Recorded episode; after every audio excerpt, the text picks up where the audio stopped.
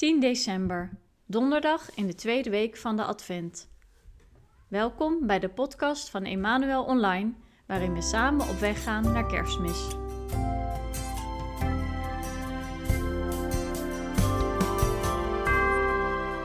God heeft de profeet Samuel een missie gegeven. Hij heeft hem naar Bethlehem gestuurd om een van de zonen van Isaï te zalven, omdat hij later de koning van Israël zou worden. Net als de afgelopen keren zullen we eerst met muziek starten. Spreekt deze manier van bidden je aan? Kom dan vanavond naar onze online lofprijzing van 8 tot half 9. Meer informatie is te vinden op www.emanuelonline.nl en in de show notes.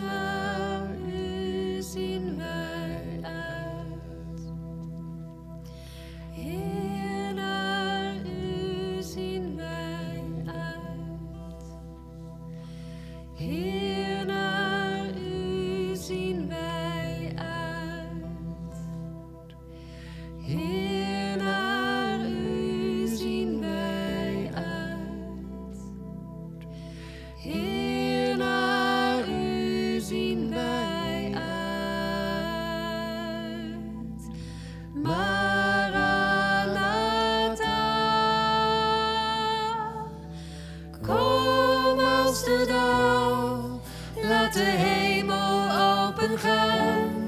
Laat door de zegen van uw regen onze aarde opengaan.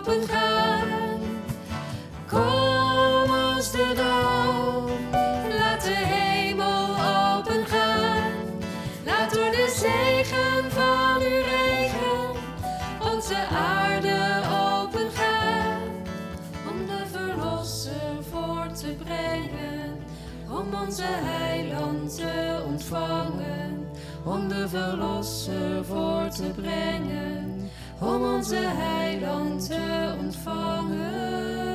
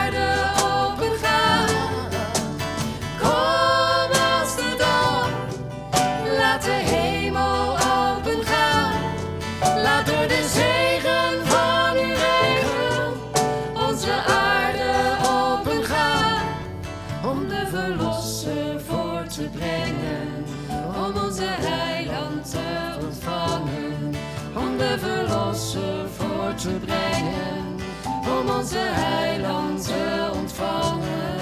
Om de verlosser voor te brengen, om onze heiland te ontvangen.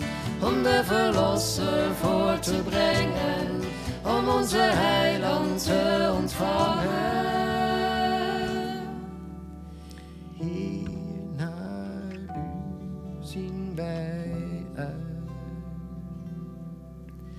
Heer,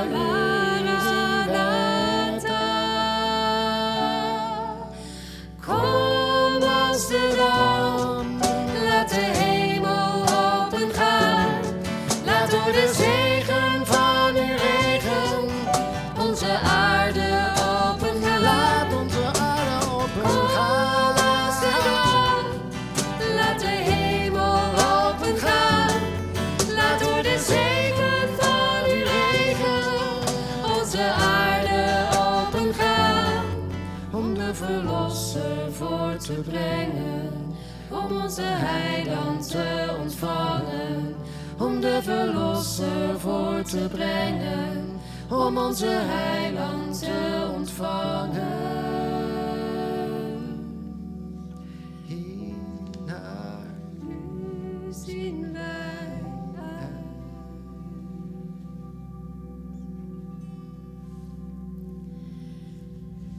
Lieve Heer, ik wil u danken voor de groeiende ge- jongerengemeenschap van Emmanuel.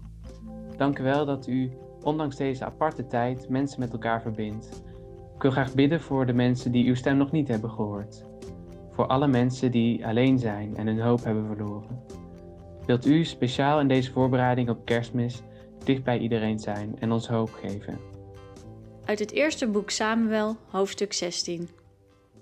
Zo stelde Isaï zijn zeven zonen aan Samuel voor.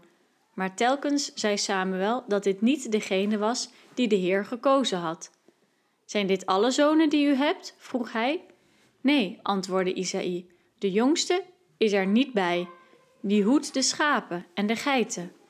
Toen zei Samuel tegen Isaï: Laat hem hier komen. We beginnen niet aan de maaltijd voordat hij er is. Samuel wordt door God op weg gestuurd om een nieuwe koning te zalven. Hij ziet het duidelijk al helemaal voor zich. Een grote, gespierde man die met kop en schouders boven alle anderen uitsteekt. En zo komt hij aan bij Jesse, die acht zonen heeft.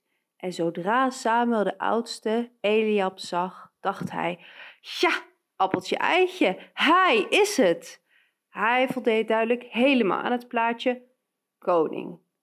Maar dan zegt God: ja, nee dus. Daar kijk ik helemaal niet naar. Samuel, ik kijk naar het hart. Ik kijk naar het hart. Als de fariseeën Jezus weer in de val willen lokken door hem te vragen wat het grootste gebod is, dan antwoordt Jezus: U zult de Heer uw God liefhebben met heel uw hart, met heel uw ziel en met heel uw verstand. Dat is het eerste en het grootste gebod. En het tweede is daaraan gelijk. U zult uw naaste liefhebben als uzelf. En dat is het hart van David. Het gaat niet om uiterlijke schijn, om het doen van goede daden. God ziet ons. Hij kent ons hart. Hij kent ons door en door. We mogen helemaal onszelf zijn en ons ook op die manier aan God geven. God vraagt ons helemaal niet om perfectie. Hij vraagt of wij ons aan Hem willen geven. Hij heeft ons gemaakt. Hij heeft mij gemaakt en Hij heeft jou gemaakt. En zoals Jezus zei, het tweede gebod is om uw naaste lief te hebben als uzelf. Dat klinkt als één gebod, maar stiekempjes zijn het er twee. Het betekent dat we naar de ander en naar onszelf mogen kijken zoals God naar ons kijkt. En God houdt onvoorwaardelijk van ons.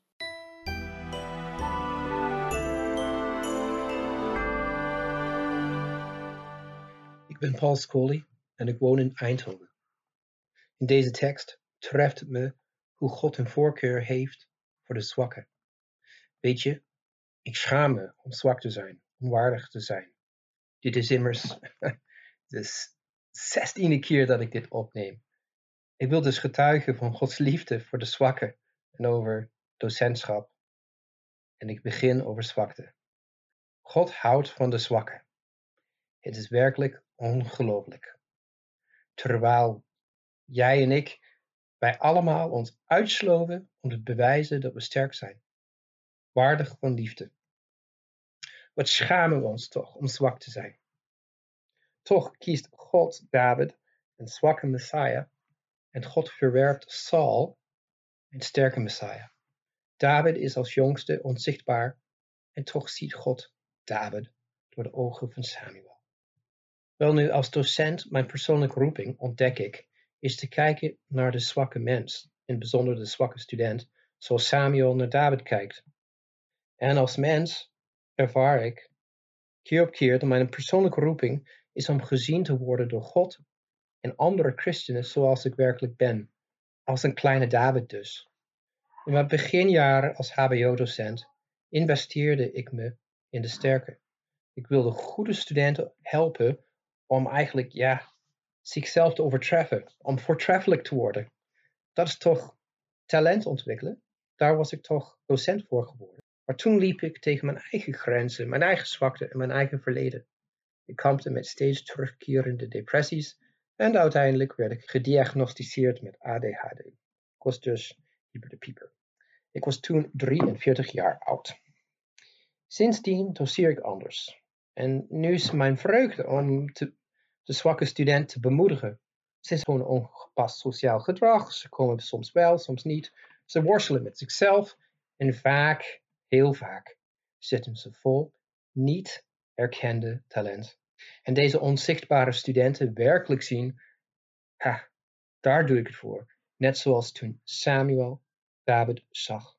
En nu, nu ben ik zelf een kleine David, een zwakke. Ik hijg en puf zelfs op de bank. Over een week word ik geopereerd. En weet je wat gek is? Te midden van God, dit alles ziet God mij. En dat maakt me intens gelukkig, zonder schaamte. Ik beeld me wel eens in. Toen Samuel David zag, het was een feest van erkenning.